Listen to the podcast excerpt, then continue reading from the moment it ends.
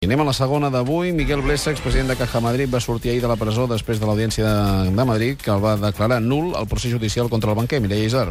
Blesa estava en presó incondicional per la compra del City National Bank de Florida, una de les peces derivades de la causa principal, que és el préstec que es va concedir l'expresident de la COE i de Marsans, Gerardo Díaz Ferran.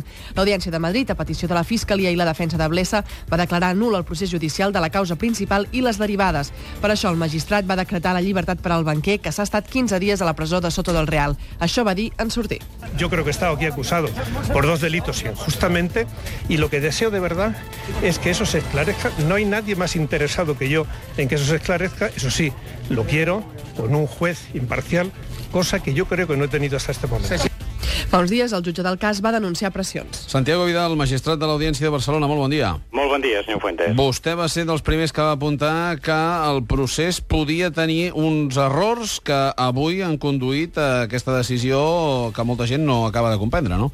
Doncs efectivament és així. En una entrevista que vostè mateix em va fer fa 15 dies, tot just l'endemà de que el senyor Blesa reingressés a la presó, doncs ja vam explicar una mica quines eren les possibilitats que això tenia de prosperar i la veritat és que lamento haver-me haver-la encertat, no? Mm -hmm. Ara bé, el que sembla una mica fort és que aleshores s'anulin eh, les causes, no? A veure, aquesta nulitat eh, és important que els oients sàpiguen que és una nulitat parcial. No significa que es tanquin els procediments. Eh?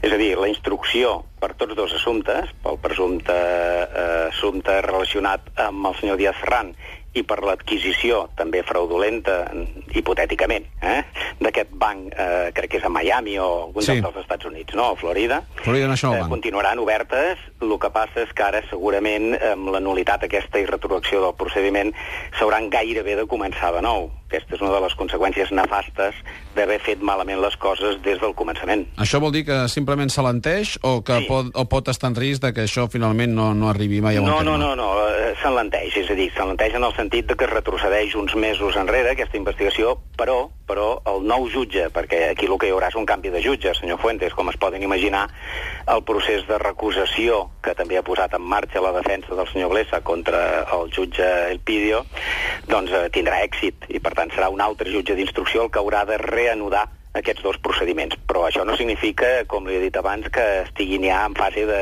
possible arxiu. Mhm. Es continuarà la investigació. Escolti'm, ja que estàvem parlant de detectius fa, fa un moment, què n'opina del, del pacte entre Método 3 i, i la senyora Sánchez Camacho? Doncs miri, aquest assumpte la veritat és que a mi no m'ha fet mai bona olor des del començament. Eh? Recordin que es va dir inclús que si hi havia un presumpte pacte entre la mateixa agència de detectius i la senyora Sánchez Camacho, jo no ho sé, sincerament no ho sé, però que no s'hagi... que per part de, de tots dos no es tingui interès en arribar al fons i que intentin tapar el tema amb el pagament d'una indemnització que francament jo no sé si serà una indemnització real o fictícia. Eh? L'ha de pagar una asseguradora. Exacte. Eh, ho he de deixar senzillament apuntat, perquè no ho sé. La veritat és que no m'ha agradat gens, no m'ha agradat gens. Això dona una imatge a la ciutadania de que eh, no se li dona, no se l'informa de tota la veritat. El jutge, de tota manera, podria seguir investigant la causa o No. no? I tant, no, i tant, que podria, i espero que ho faci. Creu que ho farà? Bé, això li hauríem de preguntar a mi. No, jo confio que sí. Jo confio que sí, perquè els pactes entre les parts mai poden tenir la força vinculant per evitar que la justícia compleixi la seva obligació, mm. que és precisament aquesta, esbrinar la veritat, depurar responsabilitats i fer que l'opinió pública se n'assabenti del que realment va passar aquí. L'advocat eh, Rubén Romero assegura que Sánchez Camacho sabia que la gravaven. Si això es confirma, ell apuntava que hi hauria hagut una denúncia falsa. Això quines conseqüències podria tenir en cas de Doncs demostrar-se? eh, té tota la raó, l'advocat. Si hi ha una denúncia falsa, si això en el seu dia es comprova, s'haurà d'obrir un procediment penal contra la diputada, senyora Sánchez Camacho, perquè aquest és un delicte que està perfectament tipificat amb el Codi Penal i que està castigat, atès que és un procediment criminal, està castigat amb pena de presó, De quants anys? d'un a tres anys. Senyor Vidal, moltíssimes gràcies per atendre'ns. Ha estat un plaer, com sempre.